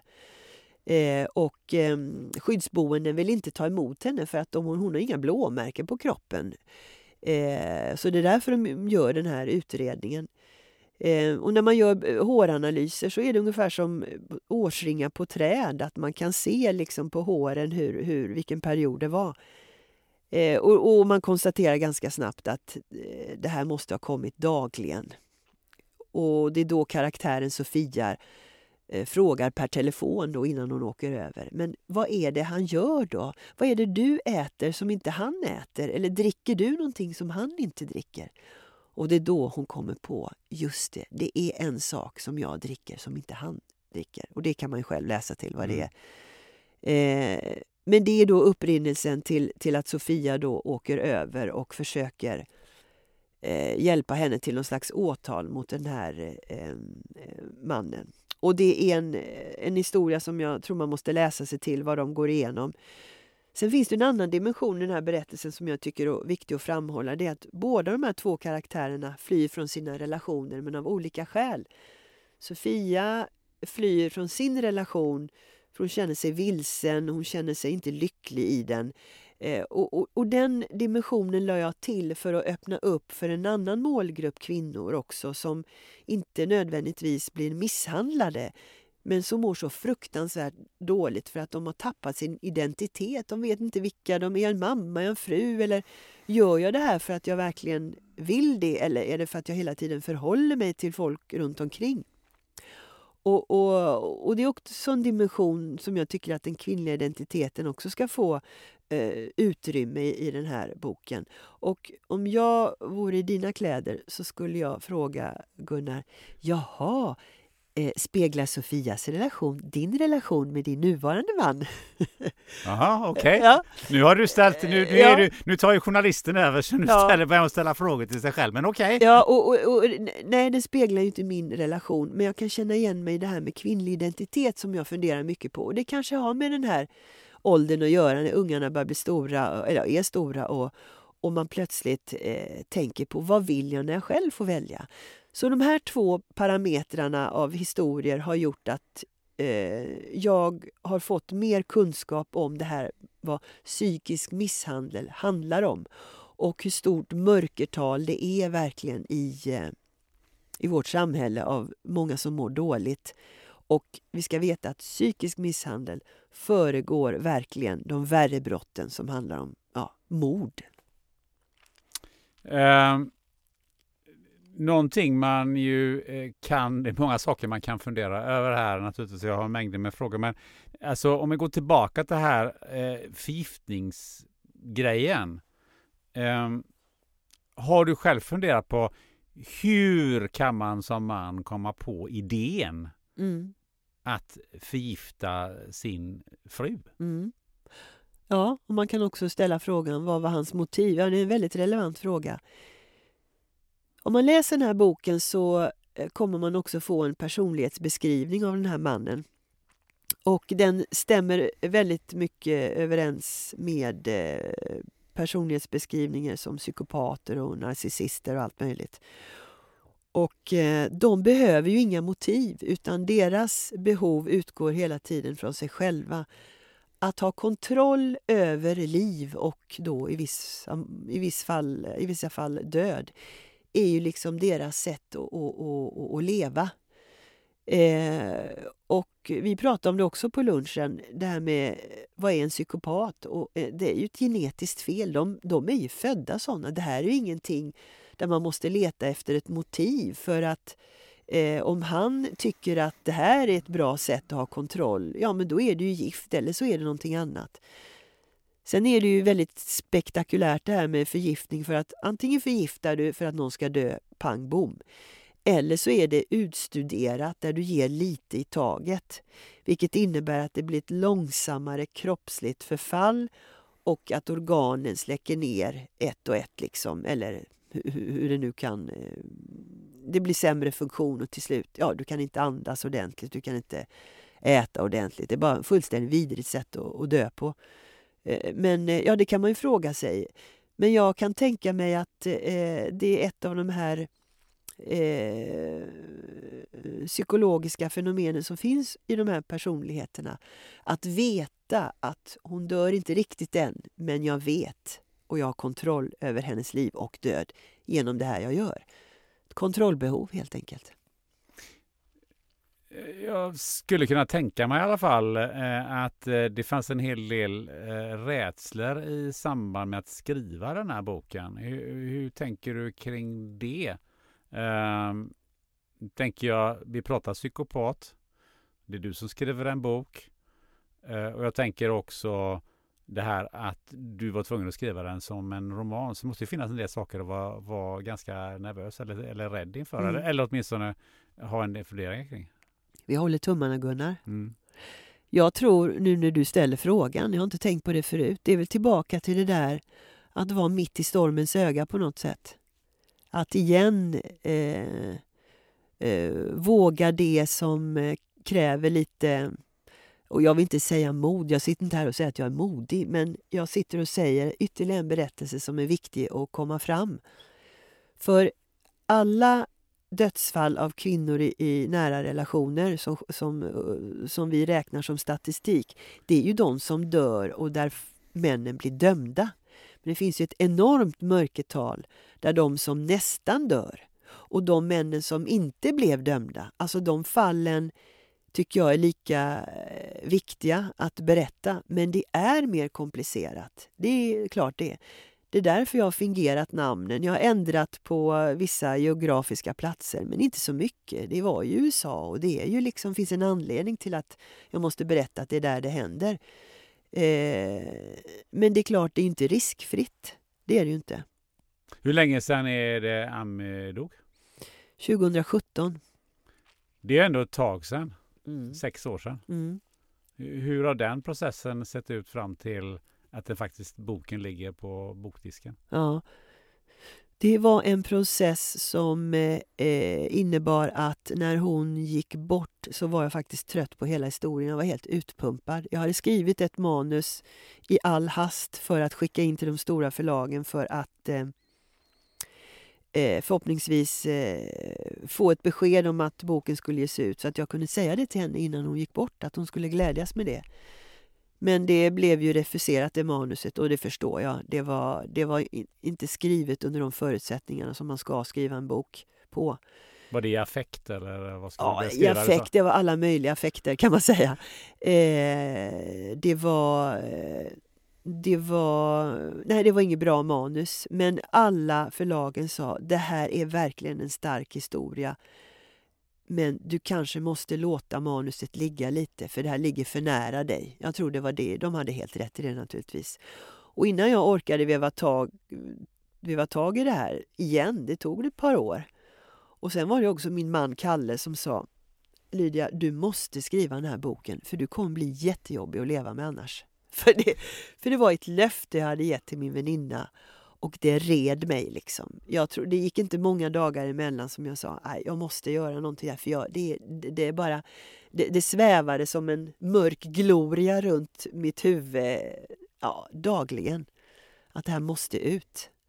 Så ehm, den här boken, för mig är det så här, nu är det ju en fysisk bok. Jag är nöjd nu Gunnar. Jag har uppfyllt mitt löfte. Allt annat är faktiskt bonus.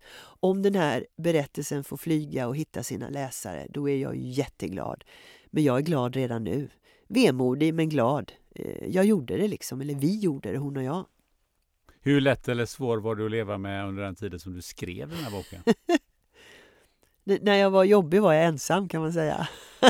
du blev det? Kanske? Ja, jag blev jag, eh, jag, jag har ju förmånen att få åka till skärgården. Vi har ett, ett ställe där.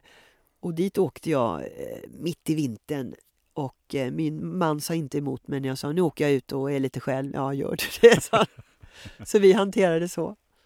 Eh, du har ju varit inne på det lite grann och just analyserar här eh, både männen och, och kvinnorna i, i den här typen av relation. Om vi tar om vi börjar med männen. Vad, vad har du själv kommit fram till? Vad, vad, vad är det för typ av män? Förutom att den här i det här fallet var en, en psykopat. Riktigt så långt kanske det inte alltid går. Uh, det kan också ta sig andra uttryck naturligtvis.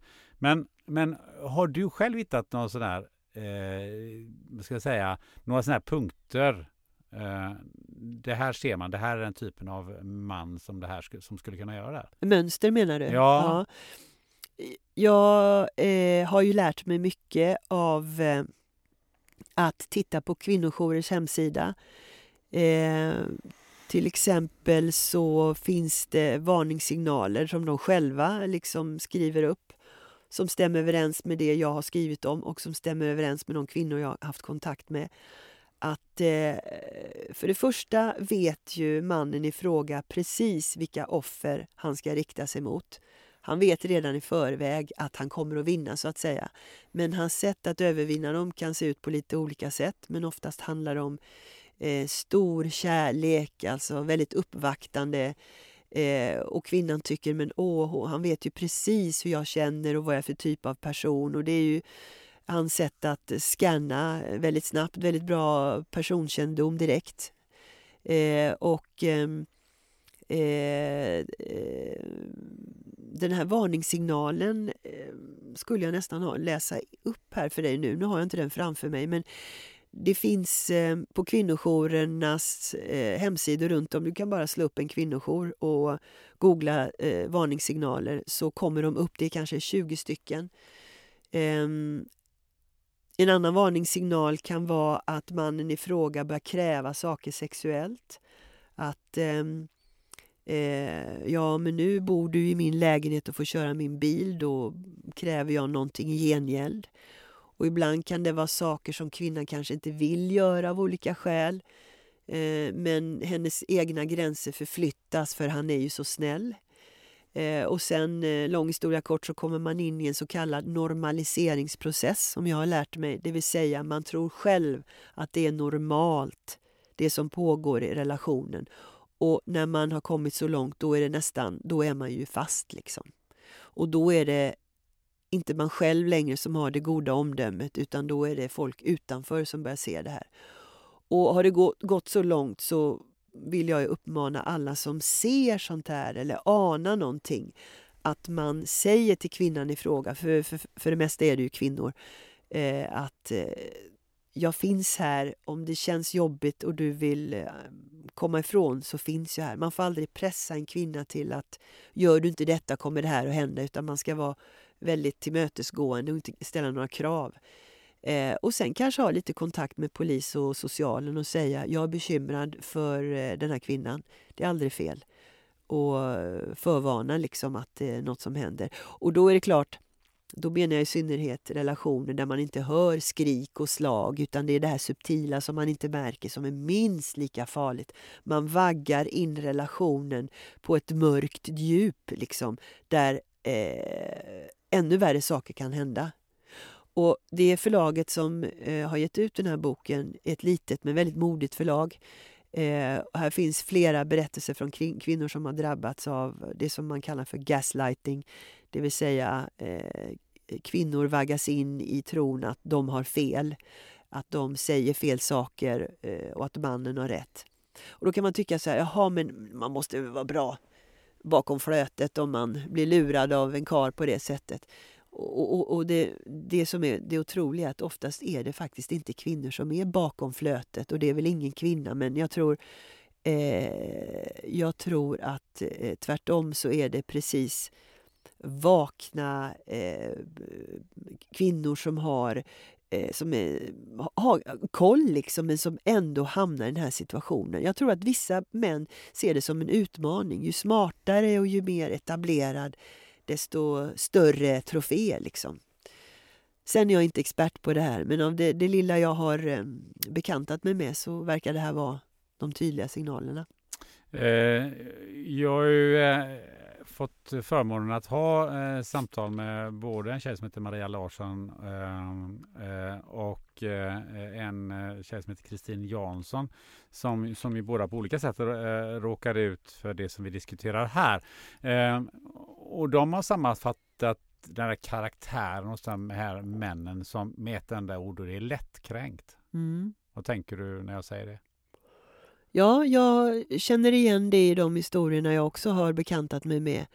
Att eh, som till exempel i den här romanen jag har skrivit så eh, vill Amy eh, överraska sin man och har köpt eh, lammfärs. Eh, och eh, hon har gjort den precis på det sättet han vill och så vidare. Och då blir han ju kränkt över detta för att hon har handlat. Eh, det är han som sköter handlingen. För hon är inte kapabel att sköta ekonomin. Eh, och nu när jag säger det så är det snarare hon som blir kränkt, ska bli kränkt. Men, men hon tar ju genast på sig skulden för eh, att hon tror att hon verkligen kan ha eh, omdömet att köpa lammfärs när det är han som är den som kan allt i huset. Så han blir kränkt över att hon har gått utanför Eh, sina mandat så att säga. Och han blir kränkt när eh, de ska åka eh, till eh, eh, den större orten som de eh, bor nära. Och de sätter sig i en så klassisk lastbil där det, man kan sitta fyra stycken i framsätet. Och hon sätter sig vid passagerardörren, för han sätter sig vid ratten. Och han blir kränkt för att hon sätter sig där ute utan hon ska sitta nära honom. Och då tänker hon att, åh vad gullig han är, han vill ha mig nära hela vägen in till stan.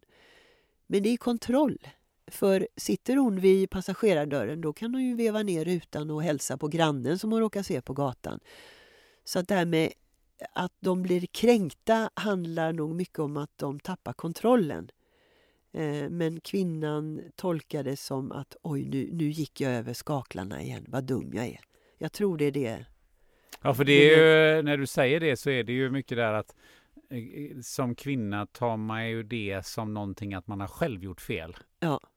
Alltså man projicerar det som egentligen är, är, är helt fel beteende från mannens sida ja. på sig själv. Ja. Hur kommer det sig?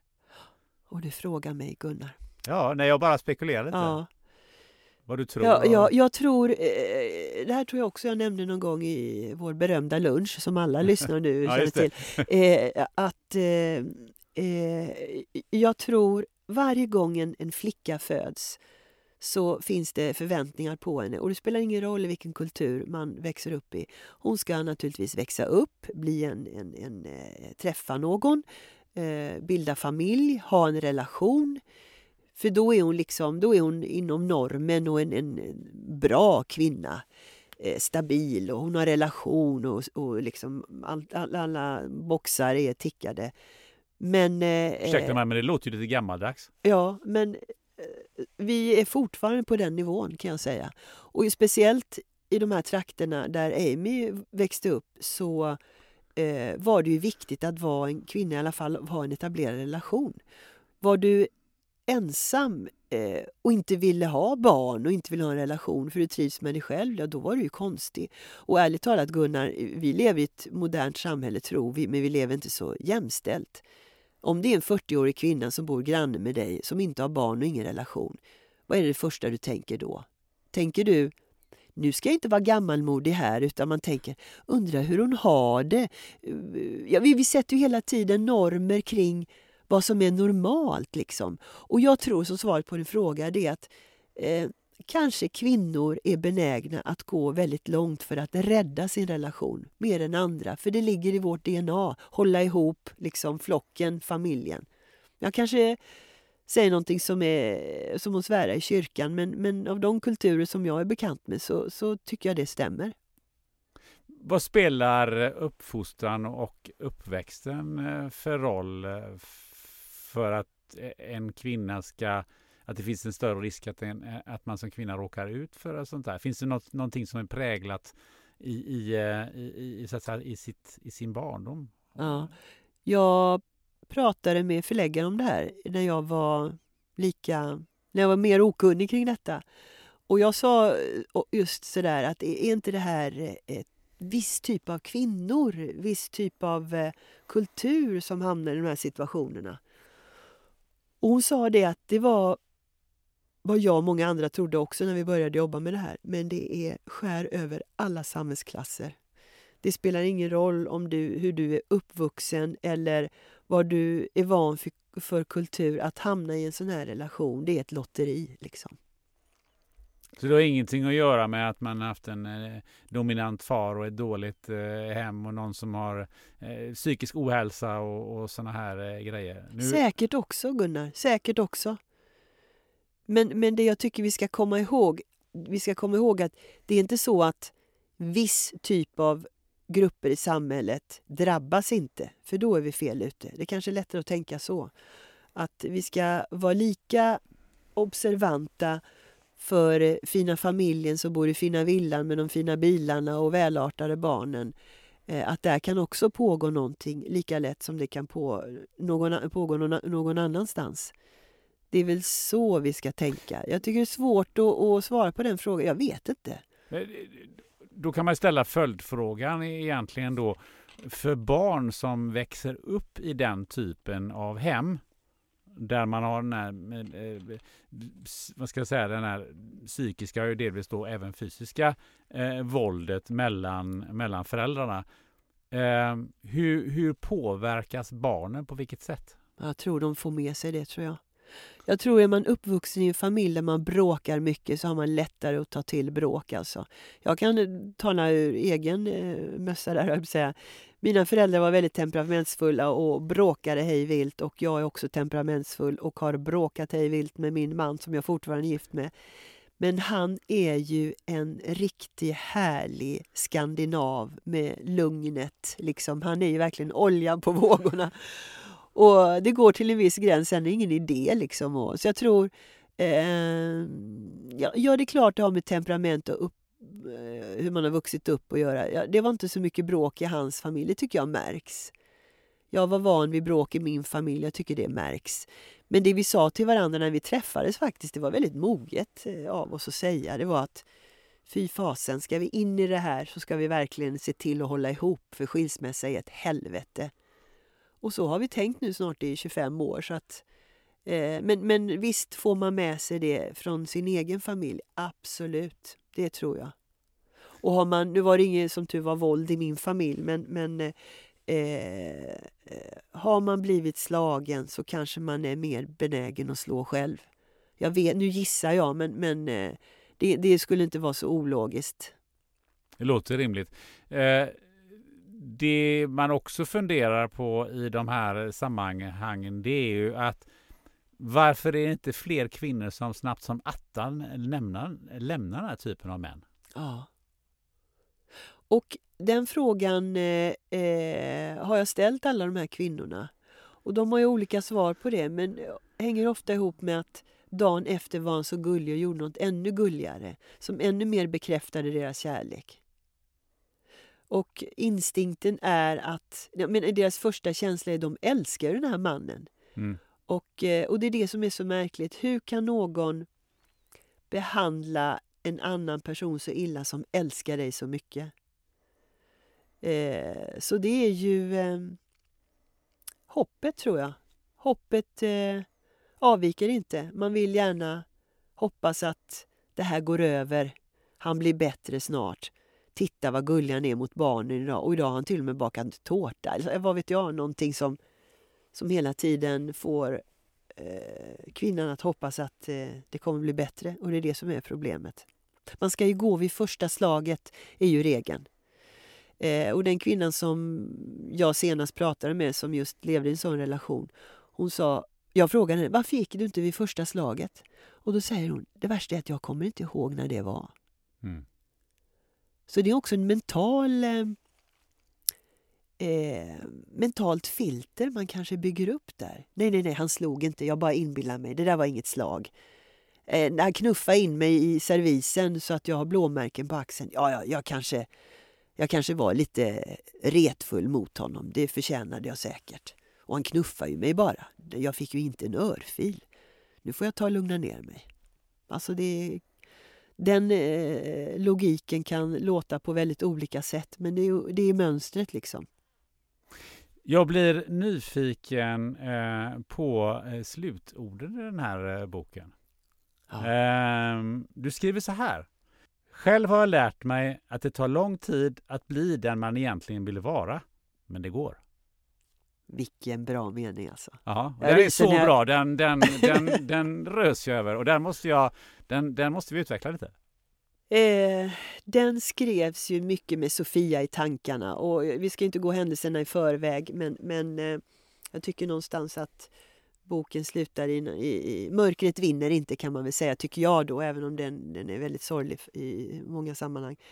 Men eh, Eh, och det, det, känner jag igen, men jag tror jag kopplar det till att man som kvinna eh, eh, anpassar sig, förhåller sig återigen till väldigt mycket i livet. Man förhåller sig till sina barn, till sin man, till föräldrar, massa saker. Och eh, det, alla de här erfarenheterna utvecklar ens personlighet och man blir sig själv först någonstans mitt i livet. Och i Sofias eh, fall så kom ju en väldigt avgörande punkt i hennes liv där hon valde den vägen hon egentligen ville gå.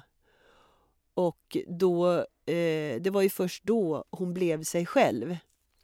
För henne tog det tid att bli den hon ville vara, men eh, det gick. Det var smärtsamt, men det gick även för henne. Och så tycker jag det nog är för oss alla. Även om vi lever i långa äktenskap, du med Gunnar, du har varit gift jättelänge med din fru, så är det så här att någon gång så upptäcker man när man vaknar, nej men nu är jag nog mig själv på riktigt. För nu har jag tänkt och valt en väg utan att förhålla mig till vad omgivningen tycker, utan det här har jag valt själv. Den känslan är häftig. Och det tar några år. Det kan inte min 21-årige son känna än. Och inte min 21-åriga dotter heller. Eh, utan det kräver att man har varit med om lite saker. Eh, och att bli sig själv, det kanske tar nästan halva livet. Eh, och det är svårt och ibland är det smärtsamt, men det går. När kom den hos dig? Ja, men det är nu någonstans. Nu när jag säger det här så tror jag jag är där liksom. Eh, jag eh, var lite tveksam till att lägga ner så här mycket energi på den här boken till exempel. Och eh, vissa sa klart du ska göra det och andra sa någonting annat. Och så tänkte jag, vänta nu, vad vill jag själv? Vad vill jag själv? Och när jag väl hade kommit underfund med vad jag ville så sa jag till mig själv, okej okay, du har bestämt dig för att göra det. Men Lydia, du vet väl att det kommer bli skitjobbigt, ta lång tid? Jo, jag vet det. Okej, okay. Eh, men vill du fortfarande göra det? Ja, men vet du att du, om du säger det, då måste du göra det? Jo, jag vet det. eh, det tar tid, eh, det kan vara jobbigt, men när man väl har gjort det så kan man med glädje säga ja, jag valde den vägen jag verkligen ville själv. Det här är bara ett exempel, jag tror hela livet är så. Nu ska vi se vad för olika beslut jag har framöver här när jag verkligen ska välja min väg. Mm. Vad har du för beslut framför dig? Ja, ska vi åka tillsammans eh, på semester, familjen, eller ska vi dela upp oss? Nej, jag skojar. det var tunga frågor. Nej, men det är ju eh, många sådana här eh, val. Eh, ett av de valen är, jag diskuterar just nu, eh, mitt uppe i min nästa bok faktiskt. Där jag diskuterar med förlaget och där jag tänker, ska jag välja det jag vill? Eller det jag vet, massa sådana små vägskäl eh, till små vardagliga ting i, i eh, familjesammanhang. Den här boken, om du reflekterar lite, nu har du ju inte liksom gått igenom hela, du har, den har liksom inte kommit ut än när vi sitter här och pratar. Men, men vad, hur skulle du vilja beskriva, vad har den gjort med dig? Eh, min väninna sa så här eh, när jag lovade henne att skriva eh, den här berättelsen. För jag, någonstans tänkte jag så här, om jag inte ger ut den så ger jag ut den på nätet. Liksom. Då sa hon, Lydia du vet att du kommer bli författare?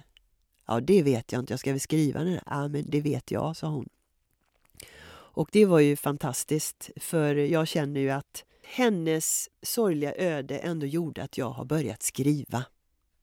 Så det är det den boken har gjort med mig, förutom allt det annat vi har pratat om. Den har liksom fått champagnekorken eh, att lämna flaskan, kanske inte champagneflaskan precis, men eh, nu känner jag att jag har flera historier att berätta och det är tack vare henne och den här romanen.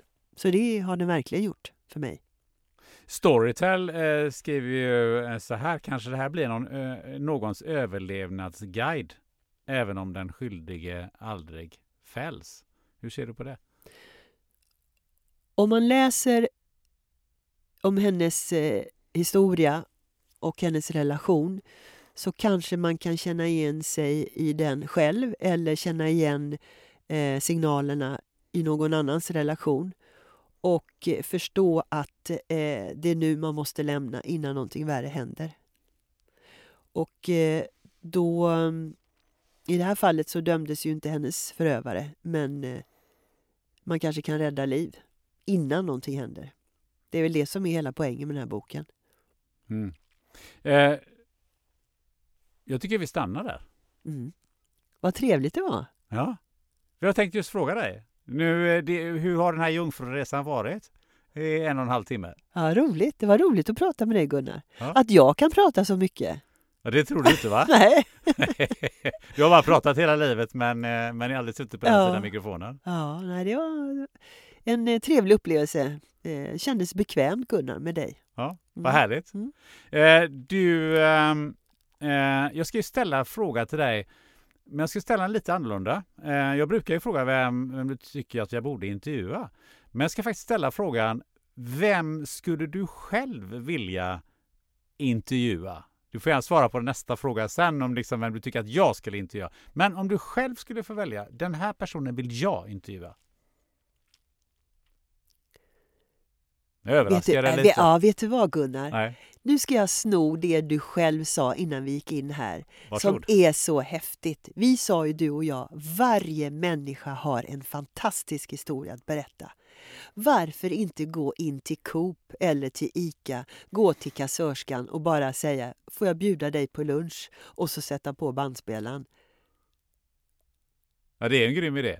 Det är en grym idé. Det är en grym idé. Så svaret är att eh, det spelar ingen roll, för varje människa har sin historia att berätta. Och jag lovar dig, ger man henne eller honom tid så kommer det så mycket. Det får bli mitt svar. Jag tycker det är en, en, en sån härlig eh, spännvidd i det här för att en del säger att eh, de skulle vilja in, intervjua Gud eller Putin och en del vill gå in på Coop. Ja. Eh, men du, du ska eh, få ge mig ett tips ändå. Eh, vem du tycker att jag eh, borde intervjua eller ja, vem du vill lyssna på själv. Mm.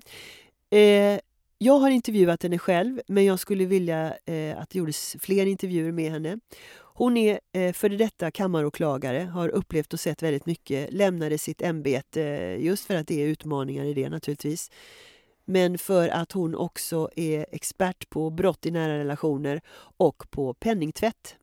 Och, eh, hon är en av dem som säger eh, det behövs inte fler lagar men kunskapen är för dålig speciellt när det gäller brott i nära relationer. Och brott handlar då både om våld och psykisk misshandel. Sen är hon då expert på penningtvätt och det händer så otroligt mycket på den fronten. Så den intervjun jag gjorde med henne, den är ju gammal nu alltså. Det är så mycket som händer rent kriminellt. Eh, de kriminella, eh, det, det, är en, eh, vad heter det när man eh, eh, kapprustning heter det. Det är en kapprustning mellan lagen och det kriminella. Speciellt när det gäller eh, pengar.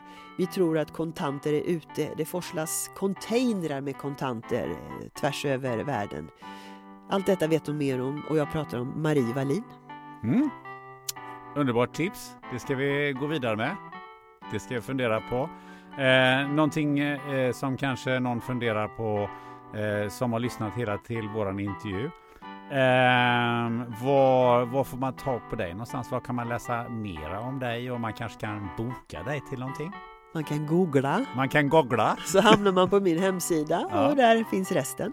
Där finns resten. Mm. Underbart! Eh, vi har kommit till eh, slutet här. Lydia Capolicchio, ett stort, stort tack för den här pratstunden. Tack så mycket Gunnar och du uttalade mitt namn perfekt! Ja, och här klippte jag inte bort något! Underbart! Tack ska du ha Lydia! Tack! Du har lyssnat till det 42 avsnittet av podden Spännande möten. Gillar du det här samtalet eller vill premiera att du numera får ett nytt avsnitt varje vecka? Ja, då går du in på Patreon.com och tecknar dig på ett abonnemang. Förutom att stödja podden så får du dessutom avsnitten före alla andra och utan reklam. Nästa avsnitt så får du träffa Emil och Dorian Löfström, Eurovision-experten som byggt om sin lägenhet i Frölunda till ett palats och som numera själv satsar på att stå på scen i Mello. Missa inte det! Till dess så vet du vad du gör. Du sätter dig med en vän, du tar något gött att dricka och funderar på hur ditt vardagsrum skulle se ut om det draperades med 170 meter gardintyg. Ha det gött!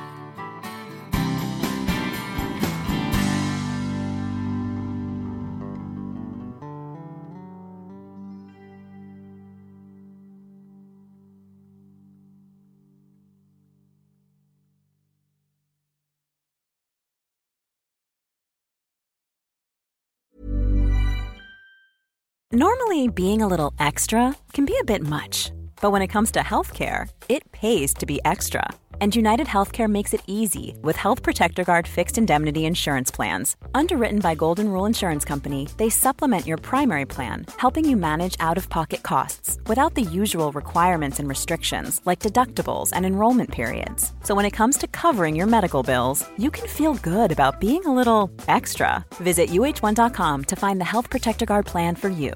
Imagine the softest sheets you've ever felt. Now imagine them getting even softer over time. That's what you'll feel with Bowl and Branch's organic cotton sheets. In a recent customer survey, 96% replied that Bowl and Branch sheets get softer with every wash. Start getting your best night's sleep in these sheets that get softer and softer for years to come. Try their sheets with a 30-night guarantee. Plus, get 15% off your first order at bowlandbranch.com. Code BUTTERY. Exclusions apply. See site for details.